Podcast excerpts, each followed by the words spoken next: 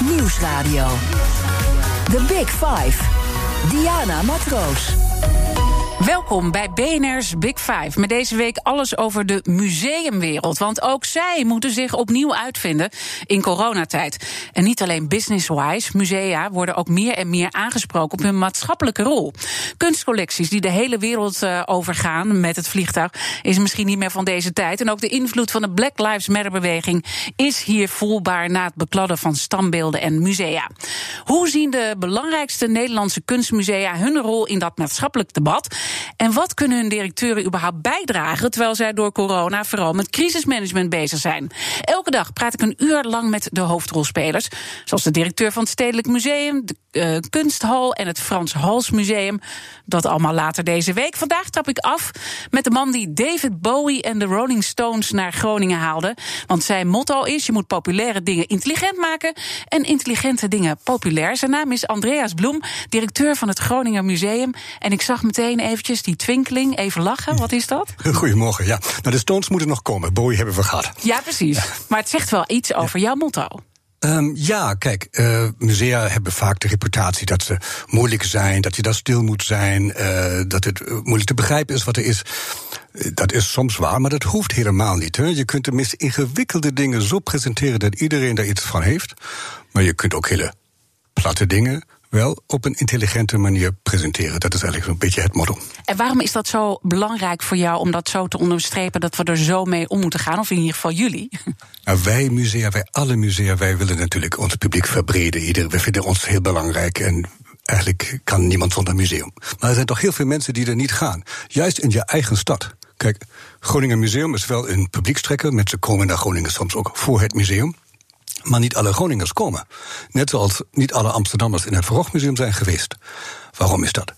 Uh, daar is nog veel werk aan de winkel. En wij denken nou, uh, als wij mooie presentaties geven, mooie programma's maken, die iedereen ook aanspreken, iedereen ook op een manier aanspreken waar de mensen zichzelf in herkennen of iets ervan kunnen gebruiken voor hun eigen leven, uh, dan doen we ons werk goed.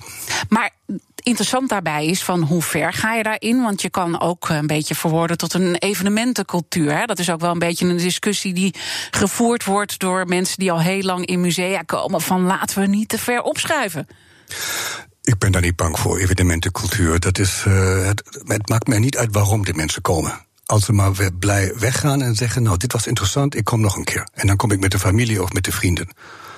Maar hoe ga je daar dan mee om? Hè? Dat je dus uh, zorgt dat je dus, nou ja, uh, wat populair is, intelligent uh, maakt. En dat je dus niet over die scheef gaat, dat je richting die evenementencultuur. Want die afwegingen maak je ook als directeur. Ja, die scheef die mag best ver weg liggen. het begint bij de teksten, heel banaal. Je hebt een object, een schilderij, een kunstwerk, een beeld, ook, ook een natuurhistorisch object staan, wat de leek niet per se begrijpt. Als ik naar een natuurkundig museum ga en ik zie iets technisch, nou begrijp ik niet. Dan wil ik het uitgelegd krijgen. Dan ga ik het tekstje lezen wat ernaast staat. Als dat tekstje mij niet pakt en ik verveeld alleen maar lees een beschrijving van iets en nog niet snap hoe werkt het apparaatje eigenlijk, dan ga ik teleurgesteld weer naar huis. En dat kunnen we voorkomen door alleen al bij de tekstjes, bij de objecten een beetje een toon zo te schrijven dat mensen zeggen: hé, hey, dit is boeiend. Ik zie opeens meer dan ik zonder die kleine toelichting had gezien. En dat is uiteindelijk uh, het idee dat mensen gewoon één komen. Hè? Je moet ze trekken, maar dat ze ook echt wat leren en dat het bij ze binnenkomt. Dat is belangrijker. Ja, kijk, wat uh, we meten vaak het aantal mensen die komen, het bezoekcijfer, dat is het grootste. Wat ik veel interessanter vind is de vraag: hoe lang blijven mensen? He, wat gaan ze meepikken? Mensen zeggen soms, nou, ik heb een half uur of een uur... en dan gaan ze pas na twee uur eruit. Dan zijn we succesvol. Wij musea zijn een, net zoals jullie radiozender, we zijn een medium. We zitten middenin tussen het object, het schilderij en het publiek. Wij, kunsthistorici in dit geval, hebben daar iets meer over geleerd. Misschien weten we ook iets meer. Maar iedereen kan op zijn eigen manier naar die objecten kijken, er iets uithalen. Met een klein impuls kun je dat bevorderen. En dat vind je mooi? Dat, dat, dat zie ik aan je. is uh, onze Ja, en dan, en, dan zeg je, er is een wereld uh, te winnen. Ik weet dat je heel lang geleden ooit al hebt gezegd... Uh, het is een grachtengordel bobo-cultuur, zoiets was het? Ja, die reputatie hebben wij helaas nog steeds. Het wordt beter. Hè? Misschien is dat heel lang geleden gezegd. Uh, het wordt beter. Veel musea, zeker in Nederland, zijn volgens mij heel goed op de weg om publieksvriendelijker te opereren. Dat begint bij de banken en de sanitaire voorzieningen, tot aan de teksten, tot aan de manier hoe je dingen ook, hoe je reclame maakt en hoe je dingen presenteert. Is er ook iets wat je zegt, dat doen we niet, want dat vind ik gewoon te populair, dat wordt te ordinair, daar, daar moeten we als museum bij wegblijven? Uh, dat is een hele moeilijke vraag. Uh, heel, zeg maar, ideologisch zou, zou, ik zeggen: nee, die drempel is er niet. Alles kan, alles is interessant. Wij als Groningen Museum zijn natuurlijk niet alleen een kunstmuseum voor moderne kunst en design, maar ook het museum voor het erfgoed van Groningen zijn eigenlijk zo'n beetje het stedelijk, het Amsterdam Museum, het Rijksmuseum in één voor de provincie Groningen. En we hebben, dat is meteen een hele mooie uh, reclamespot. Die we hebben, we hebben uh, schilderijen van Rubens, uh, we hebben hele mooie, ook interessante en ook soms ingewikkelde kunstwerken, maar we hebben ook de bierglazen van de Groningse sportverenigingen. En die proberen we compleet te krijgen als verhaal. En doe ik als directeur een stap terug. De conservatoren zijn de experts, maar eigenlijk is alles even belangrijk.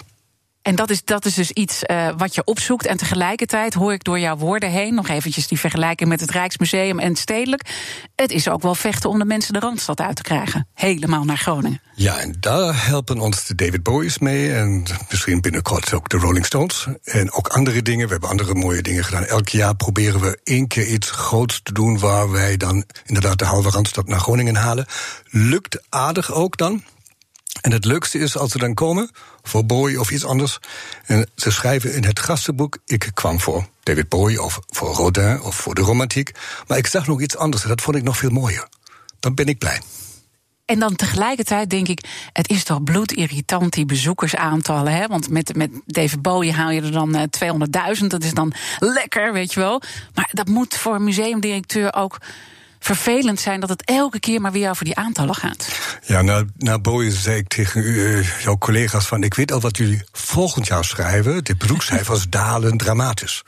Uh, maar dat weten wij natuurlijk van tevoren. Want na zo'n enorm succes dit kun, je, kun je niet herhalen per se. Uh, afgelopen jaar hadden we een waanzinnig succes. Uh, ook met iets waarvan we dat eigenlijk niet verwachten. Daan Rozengrade, bekende designer. Was een enorm populaire tentoonstelling in de zomer. Heel veel families en kinderen kwamen. Ze moesten alles aanraken. Gelukkig was dat voor corona.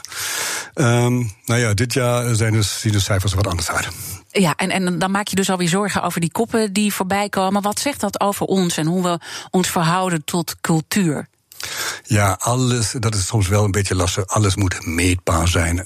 Bezoekcijfers en de, uh, bij de radiozenders of bij de televisie, hoeveel mensen hebben gekeken. Het is niet het enige criterium. En ja, soms ben je wel, ga je mee in die, in die drukte van, oh god, ja, hoe kunnen wij dit weer toppen? En irriteert het je? Ja, dat irriteert soms. Maar het, het, gaat, we zijn niet ontevreden met onze cijfers. We willen altijd meer dan 200.000 of meer dan de inwonersaantal van Groningen. Nou, dat halen we dat is, Dat is, maar, maar, maar, toch, wat is die irritatie? Er zit iets onder. Ja, het, uh, dat je steeds wordt gemeten in. Uh, dat het succes wordt gemeten in hoeveel mensen komen. Niet hoe lang ze blijven, wat ze meenemen, wat ze leren, wat ze ervaren. Uh, het is dan toch te plat op het cijfer en niet op uh, de inhoud en op de, verrijking die wij bieden. Uh, nogmaals, er zijn genoeg collega's die zeggen: Nou, bezoekcijfer interesseert mij niet, het gaat alleen maar over diepgang. Dat is net zo irritant. The Big Five. Diana Matroos.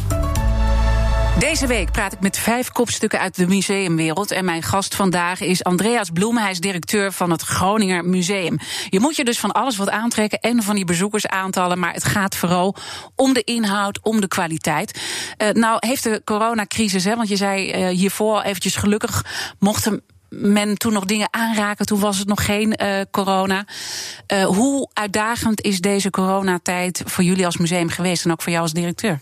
Ja, de eerste dagen waren natuurlijk wel echt ingrijpend. We hadden een opening gepland op de dag nadat we moesten sluiten. Dat was triest. Gelukkig konden wij die tentoonstelling ook verlengen, ook andere. Uh, we hebben de tijd gebruikt om veel onderhoud te plegen. Dus onze huismeesters en facilitaire mensen waren blij. Die zeggen, nou, geef me nog maar zo'n corona, want dan kunnen we eindelijk aan de slag. Um, kunnen nu zes weken weer open gaan. De eerste weken nou, heel mondjesmaat met allemaal van die pijlen. En net zoals ook in het studio overal in de desinfecteren. Wel een beetje Albert Heijn gevoel. En mensen durfden ook niet. Mensen gingen ook het openbaar vervoer niet in. Dat waren, toen waren de cijfers al heel, heel slecht.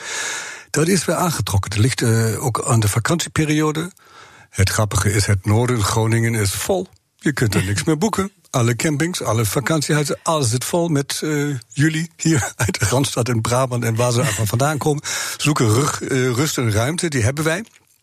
En dan gaat het af en toe een beetje regenen. Ja. Dan gaan ze naar museum. Dus we zijn. Dus iets, iets betere tijden breken aan. Maar uh, toch, door jouw woorden heen hoor je. Dit is natuurlijk, en dat weten we natuurlijk wel op allerlei plekken. Dit, dit is gewoon heel heftig. Misschien zeker wel als je zo ver van die randstad zit. We zijn. Uh, nou, de Randstad heeft het volgens mij zwaarder. Want die zijn nog afhankelijker, eigenlijk, of überhaupt veel afhankelijker van het internationale toerisme. Dat is waar. Ja. Dus als de Amerikanen en Chinezen niet komen, merken wij dat eigenlijk niet. Nee. Dus dat speelt in ons voordeel. Waar we wel, dit jaar gaan we allemaal overleven. Uh, waar we bang voor zijn, kijk, de subsidies of de steunmaatregelen, die houden een keer op. Um, als de doorzet, ook met de belemmeringen, met het gevoel van het is niet veilig, of ik mag niet de trein in, of er komt weer een halve of een kwart lockdown. Nou, dan, dan wordt het wel erg spannend. Ja, dan begin je zorgen te maken over hoe dat gaat. Even los van het feit dat het gewoon eigenlijk niet meer echt. Uh, aan één kant, ik hoor, hoor twee geluiden hè, over musea. Aan één kant hoor je bezoekers van heerlijk, ik ben helemaal alleen. He, kan eigenlijk eindelijk alleen van de kunst genieten. En aan de andere kant is het dus heel irritant met die pijlen. En toch de supposten die doen hun best. Maar je voelt toch een beetje alsof je in een gevangenis zit. Welke kant mag je wel niet op? Eh, dat is al, na, na drie weken is het bij ons al echt versoepeld. Het is, ik zou niet zeggen normaal. Er is nog een route die we aanbevelen, die mensen mogen of moeten lopen. Voordeel is weer dat ze overal langskomen, ook waar ze normaal misschien niet waren gegaan. Ze komen vast voor de, vaste, voor de, ja, voor de ja, tijdelijke tentoonstellingen en ze gaan niet naar de vaste collectie, daar willen ze je juist hebben. Nu gaan ze daar ook, omdat ze misschien denken dat ze daar ook langs moeten. Maar ja, dat is uh, meegenomen. Is er nou dan te weinig een houding vanuit de overheid om uh, musea te steunen, extra te steunen in, in, deze moeilijke tijd? Want als ik uh, terugkijk nou ja, in de geschiedenis, uh, als het gaat over musea, die zijn steeds meer op eigen benen gaan staan. Hè? De subsidie is steeds meer naar beneden gegaan en eigenlijk is er steeds meer ondernemerschap aangeboord. En op een gegeven moment ja, houdt het ook een beetje op. En deze klap kan je bijna niet te boven komen, dan lijkt mij. Ondernemerschap is op zich natuurlijk wel goed. En uh, wij in Groningen is een beetje 50-50 subsidie en eigen uh, middelen. Dat geldt voor veel musea. Uh, ik denk, als je de hele week hebt gehad en die andere collega's hebt gehoord, het beeld verschilt nogal tussen steden, provincies en musea. Um, gelukkig begrijpen de gemeente en provincie Groningen heel goed wat ze aan het museum hebben, als ook economische factor. We zijn misschien wel de belangrijkste culturele destinatie van het Noorden. Dus dat laat je niet omvallen. Dus daar zijn we in hele goede gesprekken met onze subsidiegevers, die echt alles doen wat ze kunnen om ons ook door deze crisis heen te helpen. Ik heb het gevoel dat het niet overal in Nederland het geval is. We gaan het zien, want uh, dat weten we inderdaad uh, later deze week. Wat we ook de hele week doen, is kettingvragen stellen. Uh, nou heb jij nou ja, de eer of de ingewikkeldheid dat je. vorige week had ik het over de corona-aanpak. En ben ik geëindigd met een wetenschapsfilosoof. Dus niet iemand uit jouw eigen vakgebied. En haar naam is Mieke Boon. En ze had deze vraag voor je. Waar ik me vaak over verbaast, is dat ik als wetenschapper voor alles wat ik doe en mijn denkwerk echt best goed betaald word. Waarom eigenlijk kunstenaars niet veel belangrijke rol krijgen. Omdat dat van zo'n enorm maatschappelijk uh, belang is. Hè, om hen ook posities te geven waarbij zij hun rol goed kunnen spelen. Daar zou ik een enorm voorstander van zijn. Okay. En daar zou ik zijn visie ook wel eens op willen horen. Want daar weet hij vast veel meer van goed. dan ik. Ja, Zoveel meer weet ik er ook niet over. Ik snap het eigenlijk ook niet. De vraag is goed, omdat het moeilijk is. Uh, ik vind fijn dat wetenschappers goed betaald worden. Dat hoort ook zo. Uh, kunstenaars die moeten zich zelf verkopen op de vrije markt. Uh, sommige, maar dat is een heel klein laagje, die zijn wel worden superrijk. Maar de grote massa die weet zich net behelpen. We hebben de code Fair Practice. En we worden geacht om niet alleen de medewerkers goed te betalen en ook alle de freelancers, maar zeker ook de kunstenaars. Als je iets ophangt, vaak denk je nou, je hebt exposure in een museum, dus je mag bij ons hangen, dus dat is toch genoeg verdienst. Dat hoort niet meer zo. Dus of wij betalen ze daarvoor, of in ons geval vaker, we kopen iets aan. Dat doen we eigenlijk regelmatig als je een kunstenaar, een levende kunstenaar presenteert, dat we dan ook iets voor de collectie aankopen. Maar moeten we eh, eh, kunstenaars en cultuur eh, toch niet meer omarmen in Nederland? Hè? Want dat is ook wel wat eronder ligt, onder die vraag die eh Mieke Boon eh, stelt. Moeten we ze meer betrekken bij het maatschappelijk debat? Moeten ze meer belonen, omdat het belangrijk is dat wij in die cultuur worden meegenomen? Ik denk wat eh, vaak, en dat is niet alleen in Nederland zo, dat wat, wat het ontbreekt is het bewustzijn dat kunst niet gewoon decoratie of luxe is, maar integraal bestaansrecht voor mensen. Iedereen koopt souvenirs, iedereen hangt een affiche thuis op, iedereen gaat naar een Zweedse meubelwinkel om iets te kopen. En dat is natuurlijk ook, dat zijn ook keuzes, en die zijn beïnvloed door je smaak. En die smaak is weer beïnvloed door cultuur. En hopelijk door goede kunstenaars. De kunstenaars horen een beetje sensibeler te zijn dan wij doorsnee mensen. Misschien een beetje verder te gaan, ons een beetje ook inspireren tot nieuwe ideeën. En dat mag zeker maatschappelijk veel meer gekoesterd worden. Welke nieuwe ideeën zie je onder kunstenaars? Want ook die moeten zich opnieuw uitvinden in uh, coronatijd. En even los van het financiële aspect, uh, er wordt over veel meer zaken nu op dit moment nagedacht. Uh, het is heel moeilijk om te kijken wat doen kunstenaars nu. Dat zie je vast pas tien jaar later. Denk je, oh, daar waren ze ja. allemaal mee bezig. Wat je wel ziet, is er is meer een tendens naar onderzoek. Uh, niet alleen maar mooie schilderijen maken, maar ook echt projecten induiken, quasi wetenschappelijk. Uh, en veel meer ook maatschappelijke betrokkenheid. Dat zie je ook de laatste tien jaar is dat toch wel uh, duidelijker geworden. Ook in de grote biennales en, en tentoonstellingen en ook in het beleid van musea is dat uh, de kunstenaars een actievere rol zoeken, een stem of met beelden iets proberen maatschappelijk te bereiken of op iets attent te maken.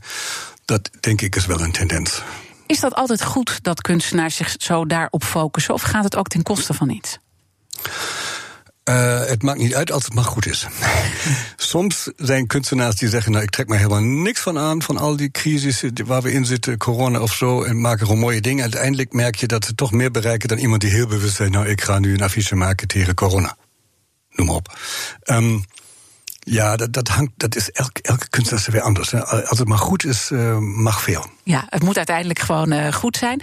Je hebt iets meegenomen. Vertel ja. even wat je hebt meegenomen. En uh, als mensen via de livestream kijken, kunnen ze het ook een beetje zien. Hè? Want we hebben hier ja, ook ik heb camera's een, Ik heb een kartonnen doos mee, daar staat tekst op. Die durf ik niet voor te lezen. Oh, zal ik het dan doen? Ja. Bullshit. Dat staat dus bullshit. bullshit. bullshit is natuurlijk een beetje spreekwoordelijk voor onzin, onzin verhaal. Nou ja, doe je de doosje open, er zit een enveloppe in. En achter het enveloppe een reageerbuisje. Ja? Met stro en alles. En dat blijkt dus echte bullshit te zijn. Dus van een echte stier. En in het enveloppe... Stierenpoep, beetje, om het maar even stier, zo te zeggen. Ja. Het is een, een soort certificaat... waar de uh, chemische samenstelling wordt geanalyseerd. En dat is dan een Groningse stier met foto en dan is het de vraag: is dat kunst? Is het wetenschap? Is het natuurkunde? Is het cultureel Gronings erfgoed? Of is het een uit de hand gelopen grap? Dat laten we uiteraard aan de beschouwer over. Maar ik ben dan toch heel erg benieuwd waarom je juist dan dit hebt meegenomen. Want dat zegt ook iets dat je juist dit stuk meeneemt. Nou, het was licht en ik ja, kon het zo meenemen.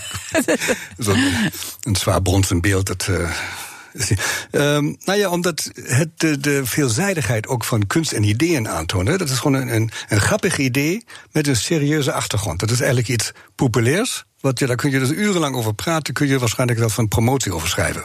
En nog is het ook wel leuk en grappig en een beetje interessant. Ja, en dan is het aan, de, aan de, degene die dus, hè, de bezoeker, om daar iets mee te doen. Wat doe jij er persoonlijk mee in je hoofd? Vind je dat we te veel bullshit hebben in de maatschappij? Ja, zeker. Ik moet even zeggen van wie dit gemaakt is. Het is ja. van Rob Mulder, een Groningse kunstenaar. Um, die. Um, uh, ja, er is natuurlijk heel veel bullshit. Maar dat is niet uh, tot de kunstwereld beperkt. Nee. Zeker niet. Nee. Maar ook in de kunstwereld is ook niet alles even goed. Logisch. Daar wordt ja. veel onzin gedaan. Maar, um, nou ja, wat, wat vertel eens. Wat is de onzin in de kunstwereld? Nou, het is, uh, de kunstenaars. Wat het lastige is voor hen is.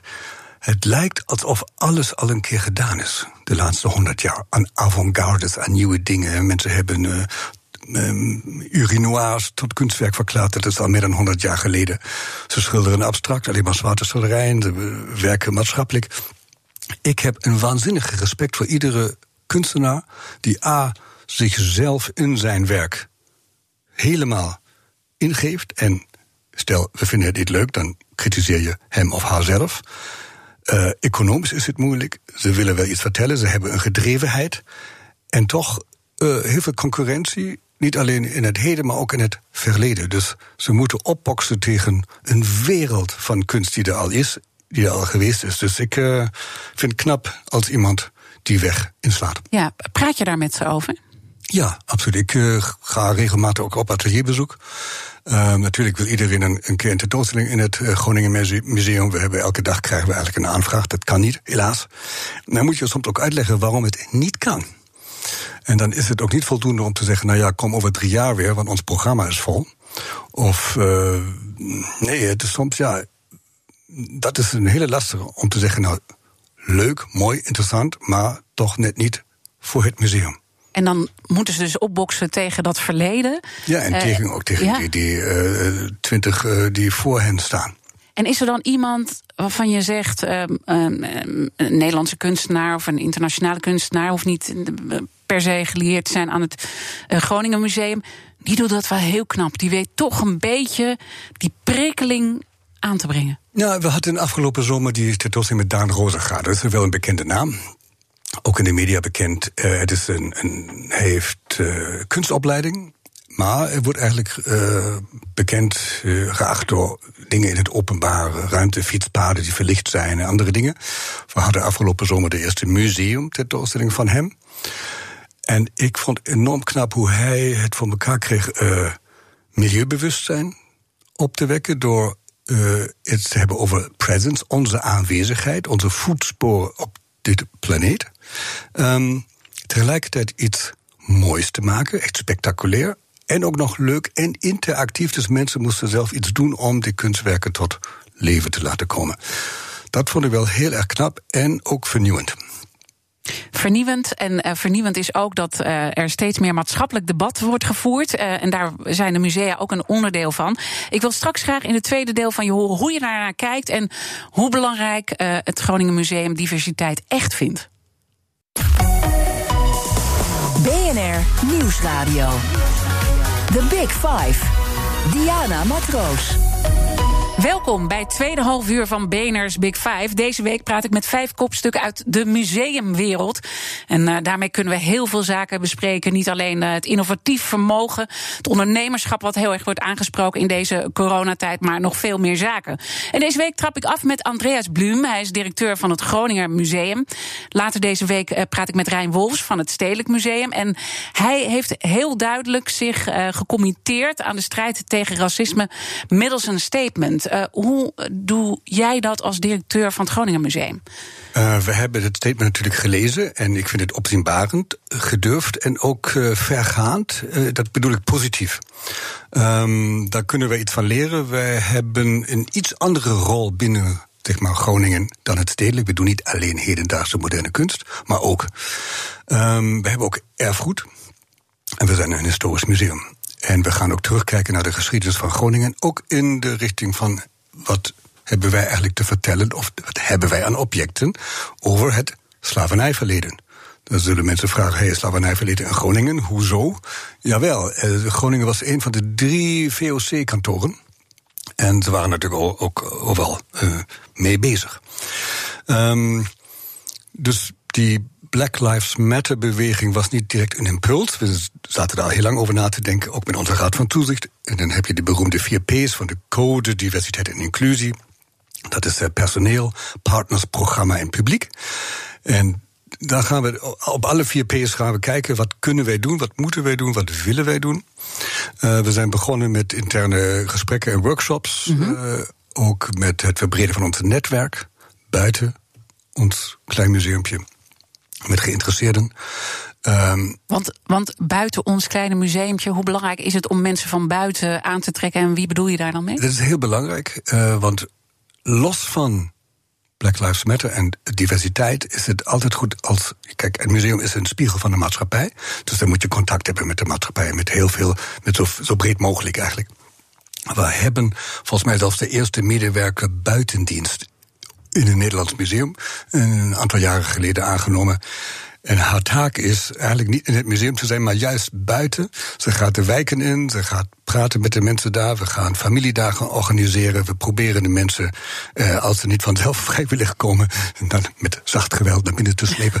uh, tenminste te inspireren, te interesseren, ook te vragen waarom ze wel of niet komen en wat hen interesseert. En zij zei ook terecht. Het is niet alleen zo dat wij het museum open willen stellen en reclame maken, ook uh, weet ik veel in, in, de wijken, in de wat armere wijken. Um, je moet dan wel, als, als ze er wel komen, dan moeten ze ook wel iets terugvinden van zichzelf. dat ze zeggen, nou, dit is interessant. Daar wil ik vaker komen, hier heb ik iets aan. Dat staat los van de diversiteit in het kader van Black Lives Matter en huidskleur. Dat is gewoon ook eigenlijk een sociaal fenomeen, sociaal-maatschappelijk fenomeen. Vaak wordt het een beetje gemengd. Um, ik denk als je sociaal breder je oriënteert, dan gaat het misschien niet helemaal vanzelf met de diversiteit, maar dan heb je al heel veel bereikt. En diversiteit in Groningen is ook iets anders dan in Rotterdam waarschijnlijk. Maar en, toch. En, en daar zit vaak een. Uh, want eerder had je het over de, de grachtengordel cultuurbouwboos. Is dit ook. Uh, als je kijkt met diversiteit, dan gaat het heel snel in, in kleur zitten. Zwart-wit. En nou ja, moet je, moet je een wit iemand dan een tentoonstelling rond de slavernij laten maken? Of dat soort discussies die dan worden gevoerd. En eigenlijk hoor ik jou zeggen van we moeten ook wat meer naar dat, naar dat Groningen, naar het noorden kijken. En dat vergeten we nogal eens. En het gaat ook over dat soort zaken van diversiteit. Klopt. Um, ook corona heeft ons museum nog een impuls gegeven om meer uh, lokaal te denken en te handelen. Mm -hmm. act global, think local of andersom. Uh, dat doen we al een tijdje, doen anderen natuurlijk ook.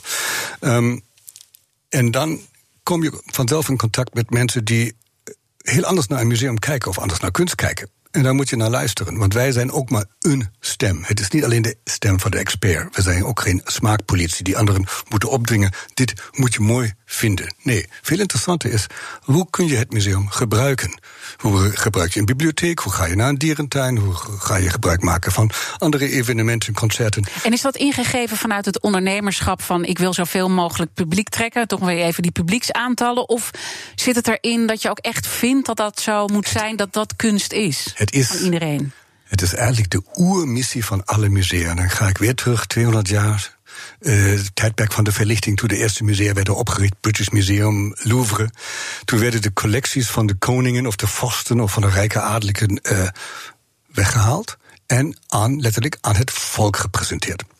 Dus de oermissie is: haal dingen uit hun context en maak ze breed toegankelijk voor iedereen. Het grappige is, als je reisverslagen leest van 1780, 1790 over de eerste collecties, dan zie je ook meteen een dubbele beweging van hoe ze komen er allemaal en ze kwamen ook, maar ook meteen van uh, zo was de, dat was de bedoeling niet. Daar komen mensen die dan eindelijk op pakketvloeren hun kinderen kunnen leren lopen, kleine baby's. Die zeggen, nou, dat is handig, want dat heb ik thuis niet.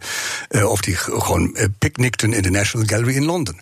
Dus nou, iedereen wel, maar hun niet. Dus je hebt een golfbeweging van afstoting van het gewone volk tot omarmen van het volk. En we zitten precies, precies weer in zo'n golfbeweging. Zeg maar, dat we moeten omarmen. Ja, maar eigenlijk doen we hetzelfde wat we 17... Maar, maar eigenlijk ook uh, dat, dat musea een beetje dat contact zijn kwijtgeraakt. Of nogal zijn kwijtgeraakt, wat misschien ook wel ontzettend kwalijk is. Dat klopt. En inderdaad, die golfbeweging, we zijn weer zeg maar, in een opwaartse beweging. Maar we hoeven ons alleen maar te herinneren aan de wortels van ons bestaan. Want het, de instelling museum. En als we ons daarop bezinnen en eigenlijk weer teruggaan naar waar, waar zijn we eigenlijk voor, dan doen we het eigenlijk sowieso goed. En gaan we dan ook andere kunstwerken zien? Want als je kijkt naar de kunstwerken die we nu veelal zien, dan uh, wordt de geschiedenis verteld van de uh, rijke elite. Uh, wat meestal nou ja, witte mannen zijn geweest. Hè? Dus, dus die werden met name in de geschiedenis naar voren gehaald. En dat is wat we zien. Maar daarmee heb je een heel deel van de geschiedenis niet in beeld gebracht. Dat klopt.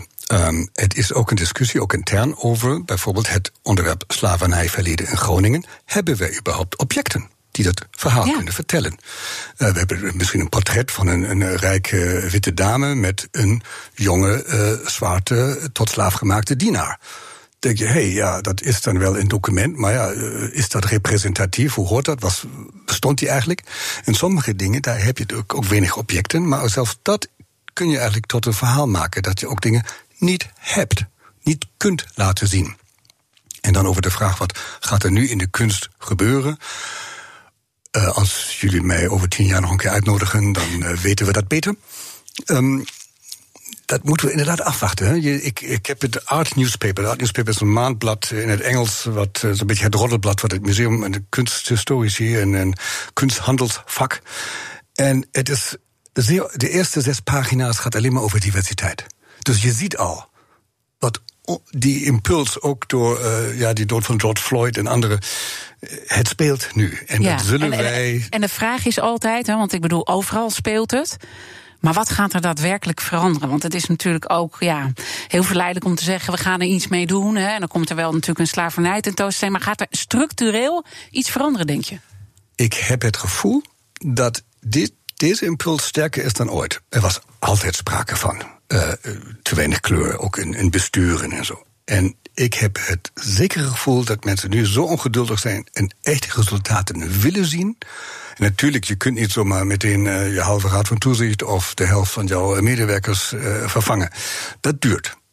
Maar ik ben in die zin optimistisch. Ik denk dat wij op de goede weg zijn en dat je zeker over enkele jaren de resultaten ziet. Ja, toch, toch is er nog een hele wereld te, winnen. Hè? NRC, eh, waarschijnlijk eh, ken je dat, dat onderzoek onder 21 belangrijkste musea in Nederland blijkt dat van de 231 medewerkers op verantwoordelijke kunstposities, want dat is altijd belangrijk, hè? wie zit je ook uh, niet op de topposities, er zes een niet-westerse achtergrond hebben, 2,6 procent. Nou, we weten allemaal de landelijke cijfers als het gaat om een niet-westerse achtergrond en die cijfers zullen ook uh, alleen nog maar toenemen als je naar de derde generatie kijkt, die nu nog niet in de cijfers wordt meegenomen. Hoe kan dit? Zo'n grote gap. Um, ja, hoe kan dit? Uh, iemand probeert uit te leggen dat je die mensen niet kunt vinden omdat ze in de opleiding al niet komen. Daar begint het al. Het begint eigenlijk op school. En nogmaals, het is ook misschien niet alleen kwestie van kleur, maar kwestie van sociale komaf, van, van achtergrond, van opleiding, van wat krijg je van thuis mee. Um, dat blijkt dus nog steeds natuurlijk dat VMBO is minder kunstaffin. En, en wie naar het gymnasium gaat, is eerder geneigd om misschien ook kunstgeschiedenis of literatuur of muziek te studeren. Dus je moet heel vroeg beginnen op de basisschool. Er zijn veel goede initiatieven, maar daar zijn, zijn we ook nog lang niet om het interesse aan ook zeg maar, het, een museum of een andere culturele instelling als werkveld te bevorderen. Um, dat is absoluut mogelijk. Daar zijn hele mooie voorbeelden in hoe dat kan. Um, ja, je moet er wel een hele lange adem hebben. Ja, hoe goed doen jullie het zelf? Uh, nou, niet goed. We zitten natuurlijk ook uh, precies daar waar de anderen ook zitten. Um, nou ja, volgens mij helemaal wit. Als ik de, ja, het onderzoek nou, van NRC. We, we hadden uh, met, met Lucette de Borg, de journalist die het geschreven heeft, die was bij ons heel lang, heeft met veel mensen gesproken. Ze van sommige mensen vond zij niet wit die dan wel volgens de ZCBS uh, niet bij de, uh, zeg maar bij de uh, niet-westerse achtergrondmensen hoorden. Dus het is soms ook wel raar hoe, hoe, dat gemeten wordt. Ik, ook een beetje dubbel. Sommige mensen willen ook helemaal niet daarbij horen van... oh, ik zit hier omdat ik een kleurtje heb. we hebben een nieuwe hoofdeducatie. Die hebben we gehaald omdat die de beste is. En die kwam van het Rijksmuseum. Um, hij heeft volgens mij Indische, Indonesische voorouders... Maar ja, dat, uh, daar denken we niet over na. Nee. Even over de, de, de tentoonstelling, hè, over het slavernijverleden. Uh, je hebt volgens mij een stuk uh, meegenomen ook... om toch een beetje al richting de tentoonstelling te gaan... wat je is opgevallen. Kijk, gisteren was uh, Typhoon als zomergast. Uh, en die heeft ook uh, mooie, ook oude fragmenten laten zien. waar je denkt: oh, dat was vooral in de jaren 50, 60 een onderwerp. Hoe kan het dat wij er nog, het nog ons druk over hoeven maken? Het is eigenlijk nog veel erger. Uh, ik heb iets meegenomen van een Groningse professor. Petrus Kamper heet hij. De Groningers kennen hem ook niet, behalve van de Petrus Kamper-single. En hij is een van die universele wetenschappers uit het tijdperk van de verlichting. En hij schrijft gewoon, heeft een onderzoek gedaan, heeft gewoon anatomische vergelijkingen gemaakt, heeft mensen opgesneden. 18e eeuw. En dan beschrijft hij dat hij dat gedaan heeft, waaronder witte mensen en zwarte mensen. En dan tot, nou, zijn verbazing misschien, het bloed heeft dus hetzelfde kleur. De hersenen zijn even wit, indien niet witter, schrijft hij over zijn Angolese uh, dode lijk die hij op, op, op heeft gesneden. Um, hij schrijft: Ik moet bekennen uh, dat deze zwarte mens exact hetzelfde is als een wit mens. Het is alles was gelijk. Dus eigenlijk. Uh, point taken, einde verhaal. Waar hebben wij het nog over? En dan heb ik het over 1758. Ja, en, en dat we dus nu nog die discussie voeren en op zoek zijn naar die nationale identiteit. Dat en toen al, hij schaamde zichzelf. Hij dacht, nou, die Amerikanen, en dan weet ik niet of hij Afro-Amerikanen of de inheemse bevolking noemt. Hij schrijft: Welk een denkbeeld moeten niet die arme Amerikanen van de witte mensen opgevat hebben, nou zo onverdiend, zo vreed en barbaars behandeld te zijn. En zij, hij zegt: Waarschijnlijk denken zij dat God vanuit zijn wraak deze mensen wit heeft gemaakt. Dat is een hele andere. BNR Nieuwsradio. The Big Five. Diana Matroos. Ja, zo meteen, of, eh, niet zo meteen. Ik praat nu verder. Uh, ik zit hier met, ik raak ook helemaal in de war. Uh, wat, een, wat een lekkere dag is dit. Het is duidelijk het begin van de week. Je luistert nog steeds naar BNR's Big Five van de museumwereld. En mijn gast vandaag is Andreas Blum. Hij is directeur van het Groninger Museum. ja, we, net hoorden we ook eventjes bij, bij Jurgen. Hè, die maakte even een grapje. Het komt duidelijk door mijn witte hersenen. maar ook het, het racisme-debat, wat natuurlijk ook in Europa opspeelt. En wat je nu ook ziet, dat nou ja, bij musea ook heel erg die maatschappelijke rol uh, ja, wordt aangesproken. Vind je het spannend? Uh, spannend in, in de zin van boeiend. Wel, ik vind het uh, positief en interessant en verrijkend. En ja, je weet ongeveer waar je naartoe wilt, ongeveer. En dan zullen ook tegenslagen zijn. Maar ik ben al heel blij met dat die discussie geopend is, intern, extern, in het buitenwacht. Mensen verwachten dingen van ons terecht. Hè. We zijn deel van. We worden ook mede door belastinggeld betaald. Dus dan mag je ook iets uh, aan ons vragen. En over het statement van Rijn Wolfs van het uh, Stedelijk Museum zei je. Opzienbarend. Het gaat ook best wel ver in de positieve zin. Wat, wat, wat, en, en, we kunnen er nog heel veel van leren. Wat, wat zijn de dingen die jou dan echt opvallen in dat statement nou, dat je zegt het gaat best wel ver? Ik vond, vond wat veel mensen natuurlijk opviel is dat hij zegt nou 50% van onze komende aankopen van kunstenaars van kleur of niet-westerse achtergrond of niet-westerse landen. Nu heeft het stedelijk een soort universele ambitie van de, de, de, kunst van de wereld moeten laten zien, de hedendaagse kunst. Dat is nogal wat, de wereld is groot. Ik vind het uh, spannend. Ik ben benieuwd hoe ze het gaan doen hoe wij dat dan zien. En ik wens hen natuurlijk heel veel succes daarmee. En ja. het is net als met de. Maar er zit, er zit iets onder. Hè? Ik bedoel, je wens heel veel uh, succes. Ja, nou, je vindt het spannend. Uh, vind je dan dat het uh, doorslaat? Of denk je van nou, ik moet nog maar zien dat ze dan met goede stukken komen? Want je wil. Nou, dat, nou, dat, die vinden ze zeker. Doorslaan misschien als zegt naar 100 procent. Dan denk je, oké, oh, wacht eens even. maar nee, het is, het is een cijfer. Het durft een cijfer te noemen. Uh, 50 procent, oké, is net als de quota vrouwen in de, in de politiek of in de, als CEO's van beursgenoteerde bedrijven. Je moet wel eens een keer beginnen. Ik sta hier als degene die uh, makkelijk heeft praten als uh, oudere witte man. Dus dat raakt mij misschien persoonlijk niet meer zozeer. Maar het is, wel, het is wel goed om die discussie te voeren en ook soms een statement te doen, ook soms een cijfer aan te geven en een doelstelling. Het moet dus. En, want anders komt het er niet. En welke ambitie heb je dan zelf? Persoonlijk of voor het museum? Nou, ik wil ze allebei wel weten. Laten we beginnen bij het museum. Het museum is, ja, wij, wij gaan waarschijnlijk iets langzamer, maar we gaan uh, beginnen met onze eigen raad van toezicht. Uh, daar worden vacatures vrij de komende maanden. En dan is het uh, niet alleen verplicht, maar ook wenselijk dat wij het aspect diversiteit meenemen in onze afwegingen. Dat zeg ik nu heel voorzichtig, maar ik bedoel het zelfs wat uh, sterker. Oké, okay, dus daar gaan ook echt wel uh, veranderingen komen. Als het gaat over museumdirecteur zijn, hoeveel lef heb je nodig in deze tijd? En dat bedoel ik niet diversiteit. Ja, dat bedoel ik echt op eh, andere punten. valt wel meer. Kijk, grappig is, het Groningen Museum heeft de reputatie gehad om heel veel lef te tonen, ja. heel provocerende dingen ja, te laten zien. Ja.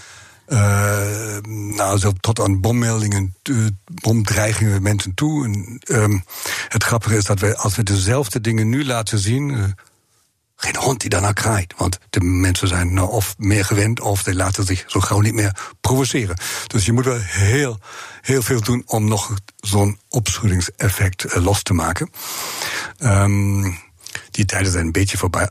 Alhoewel, uh, je moet altijd net een klein beetje de grens verleggen. Grappig is, we hebben ooit wel ook wat controversiële, ook misschien over, gaat het over gender en, en over seksualiteit.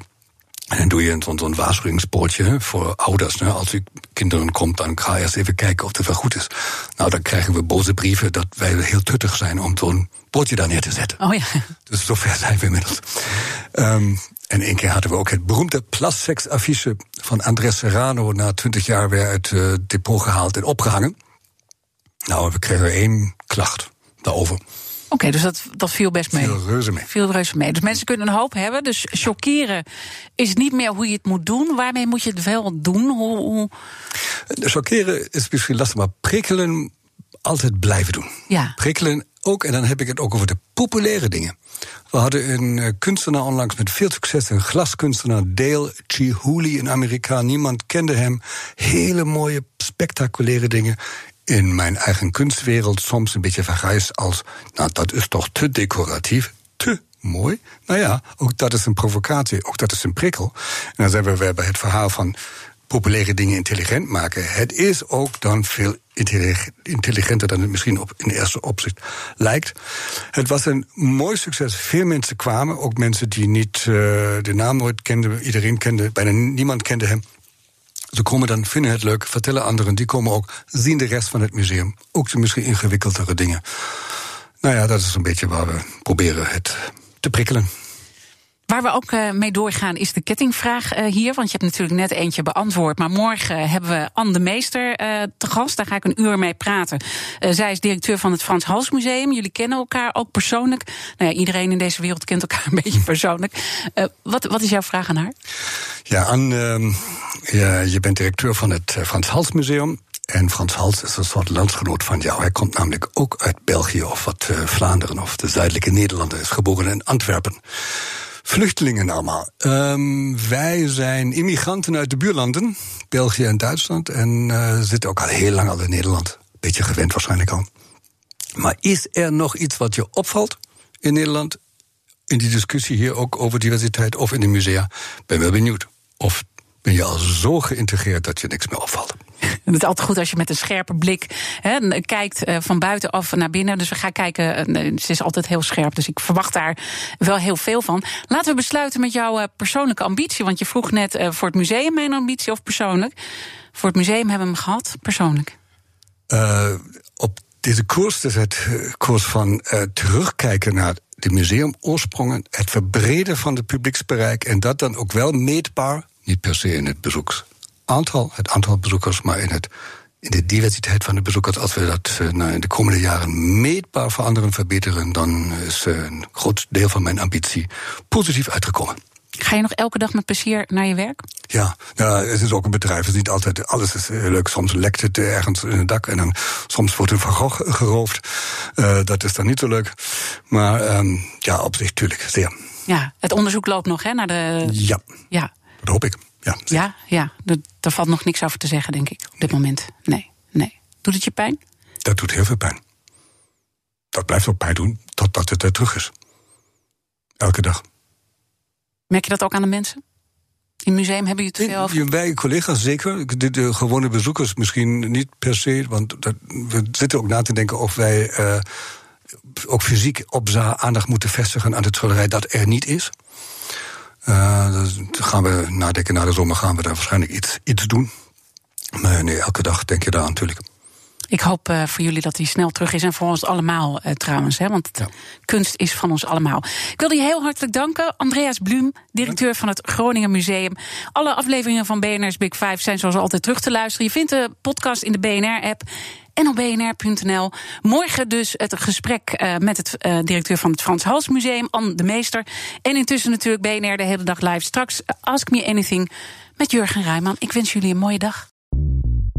Bij BNR ben je altijd als eerste op de hoogte van het laatste nieuws. Luister dagelijks live via internet. Jelle Maasbach. Wesley Weert. We zijn er voor je met het leukste, opvallendste, maar natuurlijk ook het belangrijkste nieuws. Tijdens de presentatie van die halfjaarcijfers toen die beurskoers in elkaar kukkelde. BNR Beurs. Voor de slimme belegger. Blijf scherp en mis niets.